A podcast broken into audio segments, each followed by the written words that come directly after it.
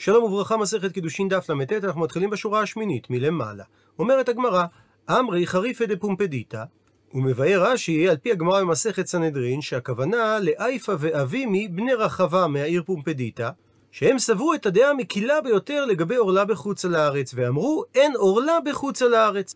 שלחה רב יהודה את הפסק שלהם לקמא לפני דרבי יוחנן, לשאול את דעתו. שלח לרבי יוחנן תשובה, סתום ספקה ואבד ודאה, והכרז על פירותיהן שטעונים גניזה. כלומר, מסביר רש"י, ספק עורלה מותר, וודאי עורלה אסור. אבל את ההיתר של ספק עורלה תסתום להורות אותו בהצנעה, ולא לדרוש אותו ברבים, הואיל ומקילים בה. וכך גם מצאנו במסכת נדרים, במילתא אחריתי, שרב הונא בר חיננה סבר למדרשה בפירקא דבר מסוים, ואמר לו רבא, תנא סתים לסיתומי, ואת דריש לה בפירקא? זאת אומרת, שמשמעות המילה סתום זה תסתום את הדבר, להורות אותו בהצנע ולא ברבים. תוספות רי הזקן לעומת זאת מסביר, שסתום הכוונה, הניחהו בידך וגונזהו מלאוכלו. הוא ממשיך רש"י ומסביר, שלגבי עורלה ודאית בחוץ על הארץ, הואיל והן מקילים, אל תתיר להם לספק עורלה ודאית זה אצל זה. כפי שראינו ששמואל אמר ללוי לספק לו עורלה ודאית, ורב אביה ורבא בר רב חנן היו מספקים זה לזה. אלא תאבד את אותם פירות עורלה ודאית בידיים. וגם תכריז על פירותיהן של אלו המקילים בעורלה ודאית בחוץ על הארץ שהם טעונים גניזה. וסיים רבי יוחנן את דבריו באמירה מאוד חריפה, וכל האומר אין עורלה בחוץ על הארץ, לא יהא לו נין ונכד, משליך חבל בגורל בקהל השם. והמשפט הזה הוא הרכבה בין שני פסוקים. סופו מפסוק במיכה, לכן לא יהיה לך משליך חבל בגורל בקהל אדוני, ותחילת המשפט על פי פסוק באיוב פרק י"ח, לא נין לו ולא נכד בעמו. ושואל הרב פנחס הלוי, איש אור ויצבע ספר המקנה על מסכת קידושין, מדוע רבי יוחנן קילל אותם בכזו קללה נחרצת? הרי מדובר על ויכוח הלכתי. וכך הוא מסביר, יש לומר דעניין קללה זו שקיללם בכך, ומשום דעה וסבר שמה שאמרו אין עורלה בחוץ על הארץ הוא גנאי לארץ ישראל, על פי מה שכתוב בזוהר פרשת קדושים, ובבעל העקדה שם, ובפירוש האלשיך שם, משום שבשלוש שנים הראשונות יש בפירות עדיין כוח החומריות של הארץ, מבחינות חיצוניות, המזקת לנפש, עד שנתברר ממנה בשנה הרביעית, עיין שם. אז אם כן, מה שהם אמרו אין עורלה על הארץ, היינו שאין בחוץ על הארץ כוח החומריות כמו בארץ ישראל, וכן משמע הלשון שהם אמרו אין עורלה בחוץ על הארץ, ולא אמרו את לשון המשנה אין עורלה נוהג בחוץ על הארץ, אלא משמע שכוח החומרי הנקרא עורלה אין בחוץ על הארץ, ולכך אינו נאסר. וזהו כמו בחינת חטא המרגלים, שהוציאו דיבת הארץ ודיבת פירות הארץ, כמו שאמרו חז"ל, ונענשו על זה שלא היה לבניהם חלק בגורם הארץ. כמו שמצאנו במסכת בבא בתרא, שיהושע וכלב נתנו חלקם, מה שאין כן שאר המרגלים. ועל אותו משקל קיללם רבי יוחנן, שלא יהיה לבניהם משליך חבל בגורל השם. ושואלת הגמרא, ואין הוא, הם חריפי דפומפדיתא כמן סברוע, כשיטת מי הם סברו את דבריהם? עונה הגמרא כי הדתניא, כשיטת התנא בתוספתא, רבי אלעזר ברבי יוסי אומר, משום רבי יוסי בן דורמסקיה. יש מפרשים שזה שם אבי, ויש מפרשים שזה שם עירו, דהיינו דמשק. שאמר משום רבי יוסי הגלילי, שאמר משום רבי יוחנן בן נורי, שאמר משום רבי אליעזר הגדול. והכוונה לרבי אליעזר של משנתנו הוא רבי אליעזר בן אורקנוס, שאין עורלה בחוץ על הארץ. מקשה על כך הגמרא, ולא? האם לדעת רבי אליעזר אין עורלה בחוץ על הארץ? והנתנן, והרי שנינו במשנה שלנו, שרבי אליעזר אומר, אף החדש. והסברנו שרבי אליעזר לחומרה חולק על תנא קמא, כך שהוא סובר כתנא קמא שיש איסור עורלה בחוץ על הארץ. מתרצת הגמרא תנא, לפי דברי רבי אליעזר בתוספתא, צריך לשנות במשנה שלנו חדש בפני עצמה, ולא לשנות את המילה אף. ועל פי זה יוצא שרבי אליעזר סובר שעורלה וכלאיים הרי הם כשאר מצוות התלויות בארץ והן לא נוהגות בחוץ על הארץ, אבל איסור חדש נוהג בחוץ על הארץ, מפני שכתוב בו את המילה מושב, והכוונה כל מקום שאתם יושבים. וחוזרת הגמרא ומצטטת את דברי רבי יוחנן שהזכרנו בעמוד הקודם, רק הפעם אמר רבי אסי שאמר רבי יוחנן, עורלה בחוץ על הארץ הלכה למשה מסיני. ועל כך אמר לי, שאל רב זיירא לרבי אסי את השאלה הבאה, על פי מסורת הש"ס צריך לגרוס ואתנן, והרי שנינו במשנה במסכת עורלה, שספק עורלה בארץ אסור, אבל בסוריה מותר. ואם כשיטת רבי יוחנן, ודאי עורלה בחוץ על הארץ אסורה משום הלכה לנושה מסיני, אז איך אפשר לזלזל בספק עורלה בסוריה? ואומרת הגמרא, אשתומם כשעה חדה, שזה לשון שלקוחה מדניאל פרק ד', והכוונה שהוא עמד נדהם במשך כשעה ולא ידע מה לענות, ולבסוף אמר לו תשובה, אימה כך נאמר, בהלכה למשה מסיני, שספק העורלה מותר בחוץ על הארץ, וודע של עורלה בחוץ על הארץ אסור. ולא כמו שהבנת בשלב השאלה, שההלכה למשה מסיני הייתה שעורלה ודאית אסורה בחוץ על הארץ, ובעקבות כך כיצד ייתכן שהקל רבי יוחנן לגבי ספק עורלה בחוץ על הארץ. וממשיכה הגמרא ומביאה דין נוסף שאמר רבי אסי, אמר רבי יוחנן, לוקים על הכלאיים שזרעו אותם בחוץ על הארץ דבר תורה, שתוקף הדבר הוא מדאורייתא. אמר להקשה לו רבי אלעזר ברבי יוסי, והעננתנן, הרי שנינו במשנה במסכת עורלה, שאיסור הכלאיים בחוץ על הארץ הוא מדברי סופרים ולא מדאורייתא. מתרצת הגמרא לא קשיא, אין סתירה בדברי רבי יוחנן לבין המשנה במסכת עורלה, כאן במשנה במסכת עורלה, שאיסור כלאיים מדברי סופרים, מדובר בכלאי הכרם. לעומת זאת כאן, בדברי רבי יוחנן, שאמר שהאיסור הוא מדאורייתא, מדובר בהרכבת האילן, שזו הרכבה של רוכב ממין עץ אחד, על כנה ממין עץ אחר.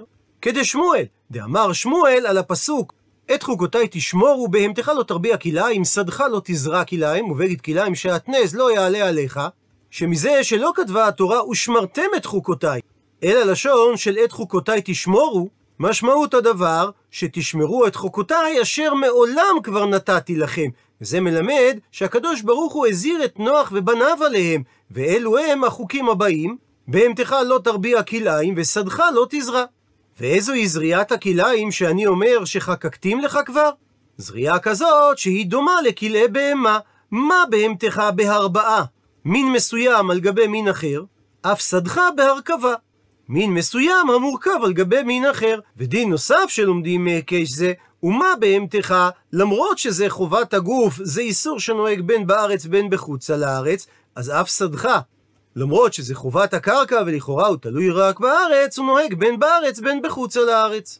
מקשה הגמרא, ואלא בסופו של דבר רק כתיב בפסוק את המילה שדך. ומשמעות הדבר, השדה המיוחד לך. דהיינו דווקא בארץ ישראל, שהרי את חוצה לארץ לא יקנו לעם ישראל מן השמיים. מתרצת הגמרא, ההוא, המילה שדך, באה למיעוט הזרעים שבחוצה לארץ. מסביר רש"י שאיסור כלי הכרם אינו נוהג בחוצה לארץ, אלא רק איסור הרכבת אילן, שהם דומים לעניין ארבעת בהמה. ובאותו עניין מספרת הגמרא. רב חנן ורב ענן הבו שקלה ואזלה באורחה. היו מהלכים בדרך, חזיו ראו להוא גברא לאותו אדם דקה זרע זרעים בעדי הדדי. שהוא זורע זרעים שונים בבת אחת. אמר לי האחד לחברו, ני תמר נשמתי. יבוא כבודו וינדה אותו, הוא הרי עובר על איסור כלי זרעים. אמר לו חברו, לא נורא חבר, אבל לא חבריתו. אין הלכות כלאיים מחוברים לכם, שהרי כלאי זרעים לא נאסרו בחוץ על הארץ. ותו, ועוד חזיהו, הם ראו להוא גברא, לאותו אדם, דכזרע חיטי ושערי בגופני. שהוא זרע חיטה ושעורה בין הגפנים. ושוב אמר לאחד לחברו, נייתי מר נשמתי. יבוא כבוד הרב וינדה אותו, הרי עובר על איסור כלי הכרם. אמר לו חברו בתגובה, לא צהריתו. מלשון צהריים, אין הלכות כליים צוהרות ומאירות לכם. האם לא קיימלן כרבי יושיע דאמר שאיסור כלאי הכרם זה עד שיזרע חיטה ושעורה וחרצן של גפן במפולת יד? שכתוב בפסוק לא תזרע כרמך כלאיים, ומשמעות הדבר שזריעת הכרם עצמה תהיה בכלאיים. אבל אותו אדם זרע חיטים ושעורים בין הגפנים הקיימות כבר. ועל זריעה באופן הזה בחוץ על הארץ לא גזרו חכמים לאסור. ועוד באותו עניין מספרת הגמרא, רב יוסף מערי ביזרנה וזרע. היה מערב מיני זרעים שונים וזורע אותם ולא בכרם, שאמרנו שכלי זרעים בחוץ על הארץ מותר. אמר להקשה לו אביי והענתנן, הרי שנינו במשנה שלנו שהכלאיים בחוץ על הארץ אסורים מדברי סופרים. אמר לי, ענה לו רב יוסף לא קשיא, מפני שכאן במשנה מדובר בכלי הכרם, וכאן במה שאני זרעתי מדובר בכלי זרעים. הוא מבאר רב יוסף את ההסבר. כלי הכרם דבארץ ישראל הם אסורים בהנאה, אז בחוץ על הארץ נמי גזרו בו רבנן. החמירו חכמים וגזרו לאסור אותם גם בחוץ על הארץ. לעומת זאת, כלי זרעים דבארץ ישראל לא אסירי בהנאה. שהרי לא כתוב בהם, כמו שכתוב לגבי כלי הכרם, פן תקדש המלאה. שלגבי גילי הכרם דרשו תקדש תוקד אש, שצריך לשרוף אותם שהם אסורים בהנאה. אבל כלי זרעים נלמדו מסדך לא תזרע כליים. כך שהם לא אסורים בהנאה בארץ ישראל, אז בחוץ על הארץ נמי לא גזרו בהו רבנן. אז גם בחוץ על הארץ חכמים לא אסרו אותם כלל. אבל אומרת הגמרא, הדר שחזר בו ואמר רב יוסף, לאו ידי אמרי. זה לא נכון מה שאמרתי שכלי זרעים לא נוהגים בחוץ על הארץ, שהרי דרב זרע גינתא דבי רב, בערוגת הגינה מסביב לבית המדרש שרב זרע לצורך התלמידים כדי שיוכלו לאכול את הירק שבה, הוא זרע אותה משערי משערי, ערוגות ערוגות. והסיק רב יוסף, מה הייתה מה שרב זרע באופן הזה? לאו משום עירוב עירובי כלאיים? האם זה לא משום שהוא חשש שתיווצר תערובת של כלי זרעים? מה שאומר שכלי זרעים גם בחוץ על הארץ אסור. אמר לי, הרגיע אותו אביי, בישלמה. אכן יכול היית להבין כך מהערוגות שזרע רב, אי אשמעינן, אם היינו שומעים שצורת הזריעה, הפכנו דף, הייתה ארבע על ארבע רוחות הערוגה ואחת באמצע. מסביר רש"י, אם היה זורען בערוגה אחת, ונשמר מלהניח רווח מביניהם, כדי שלא ינקו הזרעים זה מזה כמשפטם, כפי שזה שנוי במסכת שבת, שפיר. אז אכן, היית יכול ללמוד מזה שאסור לזרוע כליים בחוץ על הארץ. כי דווקא זכייה באופן הזה, שארבע מיני זרעים בארבע רוחות הערוגה, וזרע ממין נוסף באמצעה, היה מעיד על כך שיש כאן חשש לכלי זרעים. אבל עכשיו בערוגות של רב, שהוא זרע כל מין בערוגה לבדו, הוא לא זרע כך משום חשש כלי זרעים, אלא הכה, כאן הוא זרע בערוגות נפרדות, או משום נוי, כי זה יותר אסתטי, והינמי, או גם משום טירחא דשמאי, כדי שלא להטריח את השמש שהולך להביא ירק לבקש מין ספציפי של ירק שהוא צריך לו בין שאר המינים, אלא הוא יודע בדיוק באיזה ערוגה הוא. ונסכם את הדעות השונות לגבי דין עורלה, כלי הכרם וחדש בחוץ על הארץ. התנא קמא של משנתנו אמר שעל עורלה וכלי הכרם חייבים, ומזה שהכרענו שרבי אליעזר חלק עליו לחומרה, משמע שעל חדש פטורים. ועל פי דברי המשנה במסכת עורלה, נחלקו רבי יוחנן ושמואל בהסבר דברי תנא קמא לגבי עורלה. לפי רבי יוחנן, החיוב הוא מדאורייתא, כי זה הלכה למשה מסיני. לפי דברי שמואל, מדובר על חיוב מדרבנן, משום שאלו הלכות מדינה. החיוב על כלי הכרם הוא מדברי סופרים, והפטור לגבי חדש, משום שתנא קמא סובר שהמילה מושב, הכוונה לאחר ירושה וישיבה. לפי ההסבר שרבי אליעזר לחומרא פליג על תנא קמא, עורלה, כלי הכרם וחדש, חייבים עליהם מדאורייתא בחוץ על הארץ, וזה זהה לדעתו של רשב"י, כאשר דין עורלה ודין כלי הכרם נלמדים בקל וחומר מחדש, שמשמעות המילה מושב זה כל מקום שאתם יושבים.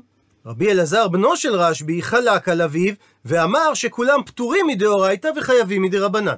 וחריפי דפומפדיתא סברו כרבי אליעזר, אבל הם לא גרסו את המילה אף, מה שאומר שלפי רבי אליעזר עורלה וכלי הכרם מותרים בחוץ על הארץ. ורק על חדש חייבים מדאורייתא בחוץ על הארץ, משום שמושב זה כל מקום שאתם יושבים. ומסוף הסוגיה משמע שהמשנה דיברה דווקא על כלי הכרם, כי כלי זרעים לדעת כולם מותרים בחוץ על הארץ, והרכבת אילן לדעת כולם אסורה בחוץ על הארץ. ואגב המשנה הקודמת שדיברה על מצוות שתלויות בארץ, מצוות שאינן תלויות בארץ, אומרת המשנה הבאה: כל העושה מצווה אחת מטיבין לו ומאריכין לו ימה ונוכל את הארץ, וכל שאינו עושה מצווה אחת אין מטיבין לו ואין מאריכין לו ימה ואינו נוכל את הארץ. הוא מסביר רש"י שהלשון מטיבים לו משמע בעולם הזה, והלשון נוכל את הארץ משמע בעולם הבא. מקשה הגמרא ורמיני סתירה ממקור תנאי, שהרי יש משנה במסכת פאה שאומרת, אלו דברים שאדם אוכל פירותיהם בעולם הזה, והקרן קיימת לו לעולם הבא. אלו הן כיבוד אב ואם וגמילות חסדים והכנסת אורחים והבאת שלום בין אדם לחברו ותלמוד תורה כנגד כולם. ומהמשנה הזו משמע שאדם אוכל את פירות המצווה, דהיינו הוא מקבל שכר בעולם הזה, והקרן של המצווה קיימת לו לעולם הבא, אבל לא מצוות אחרות שלא מנויות במשנה הזו. והרי אנחנו שנינו במשנה שלנו, מטיבים לו ונאכל את הארץ, ללא הגבלה למצווה ספציפית. עונה על כך אמר רב יהודה, אחי כאמר, כך צריך להסביר את דברי המשנה, שכל העושה מצווה אחת יתרה על זכויותיו. כלומר, שלא משנה איזו מצווה עשית, אם המצווה הזו הכריעה את כף המאזניים, שיש לאדם יותר מצוות מאשר עבירות, אז מטיבים לו, ודומה כמי שמקיים כל התורה כולה. שהרי הרוב קובע, ויש לו יותר מצוות מאשר עבירות. מקשה על כך הגברה, מכלל דהנח אפילו בחד הנמי. לפי ההסבר הזה, משמע שהמשנה במסכת פאה אומרת שאם אדם קיים אחת מהמצוות שאמרה המשנה, הוא יזכה לאכול את פירות המצווה בעולם הזה והקרן תהיה קיימת לו לעולם הבא, אפילו אם הוא לא קיים שאר מצוות, והרי אם רובו עוונות, הרוב קובע. עונה על כך, אמר רב שמעיה, שהמשנה במסכת פאה באה לומר, שמדובר על מציאות שיש לאדם מחצה עוונות ומחצה זכויות. ויש במחצה זכויות אחת מהמצוות שמנתה המשנה, כך שאם הייתה כף המאזניים שקולה, הרי המצווה הזו מכרעת את הכף. כאילו יש רוב זכויות. והוא אינו צריך מצווה נוספת יתרה על כמות העבירות, כמו שאמרה המשנה שלנו. אבל אם אין במצוות אחת מהמצוות ששנתה המשנה במסכת פאה, אז אכן כדי להכריע את כף המאזניים הוא צריך מצווה יתרה. מקשה על כך הגמרא, אתה רוצה לומר וכל העושה מצווה אחת יתרה על זכויותיו, אז מטיבין לו ורמינו. והרי קשה על כך ממקור תנאי שאומר את הברייתא הבאה, כל שזכויותיו מרובים מעוונותיו, מרעין לו, ודומה כמי ששרף כל התורה כולה ולא שיער ממנה אפילו אות אחת. הוא מסביר רש"י שמרעים לו בעולם הזה כדי לנקותו מעוונותיו, שיגיע לעולם הבא וייטול שכר שלם. ולחילופין, וכל שעוונותיו מרובים מזכויותיו, מטיבים לו, ודומה כמי שקיים כל התורה כולה ולא חיסר אות אחת ממנה. מסביר רש"י כדי לשלם לו שכר מצוותיו בחייו, כדי לטורדו מהעולם הבא. וזה בדיוק להפך מהמשנה שלנו. עונה על כך, אמר אביי, מתניתין, המשנה שלנו מדברת, דאבדינן יום תו ויום ביש. מסביר רש"י שהגמרא חוזרת בה מהסבר המשנה, ומסביר אביי באופן הבא, שמה שאמרה המשנה מטיבין ומריעים, הכוונה היא לעולם הבא, שמכינים לו יום טוב לעולם הבא, או יום רע לעולם הבא. שמי שעושה מצווה יתרה, כך שהוא במצב שיש לו רוב זכויות, אז מתקנים לו בעולם הזה יום טוב בהפוך על הפוך, שנפרעים ממנו עוונותיו, וזהו שמתקנים לו יום טוב לעולם הבא. וכל שעוונותיו מרובים מזכויותיו, שאמרה המשנה שלנו מרעים לו, הכוונה שמזמנים לו יום ביש, שמשלמים לו שכר מצוותיו כאן בעולם הזה, כדי להיות מתוקן לו יום רע לעולם הבא. רבא לעומת זאת אמר שכפי שהסברנו בהתחלה את המשנה, שמטיבים לו בעולם הזה זה הפירות, והקרן קיימת זה לעולם הבא. ואין סתירה מדברי הברייתא שאמרה מרעין לו, כאשר יש לו יותר מצוות, מפני שהמאני, הברייתא היא כשיטת מי? כשיטת רבי יעקבי, דאמר, שכר מצווה בהאי עלמא ליקה. אין בעולם הזה מתן שכר של מצווה, דתניא, שכך שנינו בברייתא רבי יעקב אומר, אין לך כל מצווה או מצווה שכתובה בתורה שמתן שכרה מפורש בצידה, שאין תחיית המתים תלויה בה. וממילא זה מודיע לנו שאין מתן שכר של מצווה אלא לעולם הבא. ולצורך כך הוא מביא שתי דוגמאות. בכיבוד אב ואם כתיב למען יאריכון ימיך ולמען ייטב לך, ובשילוח הקן כתיב בסדר הפוך למען ייטב לך וארכת ימים. ובהכרח צריך לפרש שמדובר על שכר בעולם הבא, מפני הרי שאמר לו אביו עלה לבירה, למגדל גבוה, והבא לי משם גוזלות, ועלה הבן לבירה, ושילח את האם ונטל את הבנים, כך שהוא קיים גם כיבוד הורים וגם שילוח הקן, ובחזירתו נפל ומת. היכן טובת ימיו של זה, והיכן אריכות ימיו של זה, אלא למען ייטב לך, הכוונה לעולם שכולו טוב, ולמען יאריכון ימיך זה לעולם שכולו ארוך. כך ששכר המצוות הוא רק לעולם הבא ולא לעולם הזה. עד לכאן ציטוט הברייתא, ושואלת הגמרא, ודילמה לה ואחי הווה. אולי לא יקרה כך לעולם, כך שמשמעות הכתוב שמאריכין ימיו ושנותיו בעולם הזה. מתרצת הגמרא שרבי יעקב פירש כך את הפסוקים מפני מעשה חזה, הוא ראה מעשה כזה קורה בפועל. מקשה על כך הגמרא ודילמה מערער בעבירה הווה. אולי אותו בן נפל מהסולם מפני שהוא היה מערער בעבירה באותו זמן ולא היה ליבו לשמיים. מתרצת הגמרא שגם אם הוא היה מערער בעבירה, הרי מחשבה רעה אין הקדוש ברוך הוא מצרפה למעשה, ולכן לא היה לו ללקוט. ממשיכה הגמרא ומקשה, ודילמה, אבל אולי מערער בעבודת כוכבים אהבה. וכתיב, פסוק ביחזקאל נקרא בפנים, למען תפוס את בית ישראל בליבם, אשר נזורו מעלי בגילוליהם כולם. הרי שלמרות שהם רק תפסו בליבם הרהורי עבודת כוכבים, הפסוק מתייחס לזה כאילו הם עבדו עבודת כוכבים בפועל. מתרצת הגמרא, אי הוא נמי אחי כאמר, כך חשב גם רבי יעקב לומר, שאולי אותו בן הרהר בליבו עבודה זרה, אבל עדיין, איסא על כדעתך. אם היה עולה על דעתך לומר ששכר מצווה בהאי עלמא, יש שכר מצווה בעולם הזה, עמאי, אז מדוע לא אגין מצוות עלי? מדוע מצוות כיבוד הורים ושילוח הקן שעשה אותו בן לא הגנו עליו? כי איכי דלא ליתי לידי ערעור, שהוא לא יבוא לידי ערעור עבודה זרה. ולכן בהכרח שאין שכר מצווה בעולם הזה, כי אם היה שכר מצווה זה היה מגן עליו מהרהור עבודה זרה. ממשיכה הגמרא ומקשה על עצם המעשה. והאמר רבי אלעזר, שלוחי מצווה אין ניזוקין. אז כיצד ייתכן שרבי יעקב ראה מעשה כזה? מתרצת הגמרא, הטעם שם שאמר רבי אלעזר, שלוחי מצווה אין ניזוקים, הכוונה בהליכתן. כאשר הם הולכים לעשות את המצווה, שני, ולכן זה שונה. מהמקרה שראה רבי יעקב, שהרי אותו בן נפל ומת כאשר הוא חזר מעשיית המצוות. ממשיכה הגמרא ומקשה, ואמר רבי אלעזר במקום אחר, ששלוחי מצווה אינן ניזוקין לא בהליכתן ולא בחזירתן. מתרצת הגמרא, סולם רעוע הווה דקביע היזקה. הסולם שאותו בן עלה עליו היה סולם רעוע, כך שהנזק ממנו היה קבוע ושכיח, וכל איכא דקביע היזקה לא סמכינן הניסה. לא סומכים על הנס במקום שיש היזק שכיח. והמקור לכך דכתיב, כאשר השם אומר לשמואל, לך תמשוך את דוד למלך, התשובה ויאמר שמואל, איך אלך? ושמע שאול והרגני. הרי אם שאול ישמע שאני הולך למשוך את דוד למלך, זה נחשב נזק שכיח, הוא ודאי יהרוג אותי. ויאמר השם, וואלה, אתה צודק, בוא תיקח איזה תירוץ, עגלת בקר תיקח בידיך, ואמרת לזבוח לשם באתי. ואמר רב יוסף על דברי רבי יעקב, אלמלא דרשי אחר, אם אלישע בן אבויה, שכינויו היה אחר, היה דורש להיקרא את הפסוק הזה כרבי יעקב בר ברטי, שהיה בן ביתו, לא חטא. ושואלת הגמרא, ואחר, מהי הוא? מה גרם לכך שאחר, אלישע בן אבויה, יצא לתרבות רעה?